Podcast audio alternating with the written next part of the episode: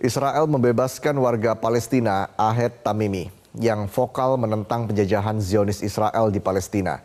Tamimi merupakan satu dari sejumlah tahanan yang dibebaskan usai dipenjara Israel tanpa bukti. Hari Kamis atau hari ke-6 gencatan senjata, Israel membebaskan sejumlah tahanan. Di waktu yang bersamaan juga menangkapi warga Palestina lainnya di tepi barat yang diduduki.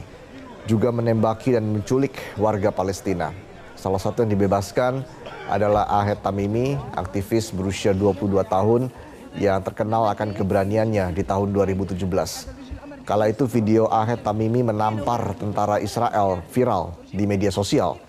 Ahed menampar tentara Israel karena kesal adiknya yang masih kecil diperlakukan kasar. Hal itu malah membuat Israel mencap Ahed sebagai teroris. Ini adalah kedua kalinya Ahed ditangkap pasukan Zionis Israel hanya karena melawan kekerasan. cara baru mendapatkan informasi. Download Metro TV Extend sekarang.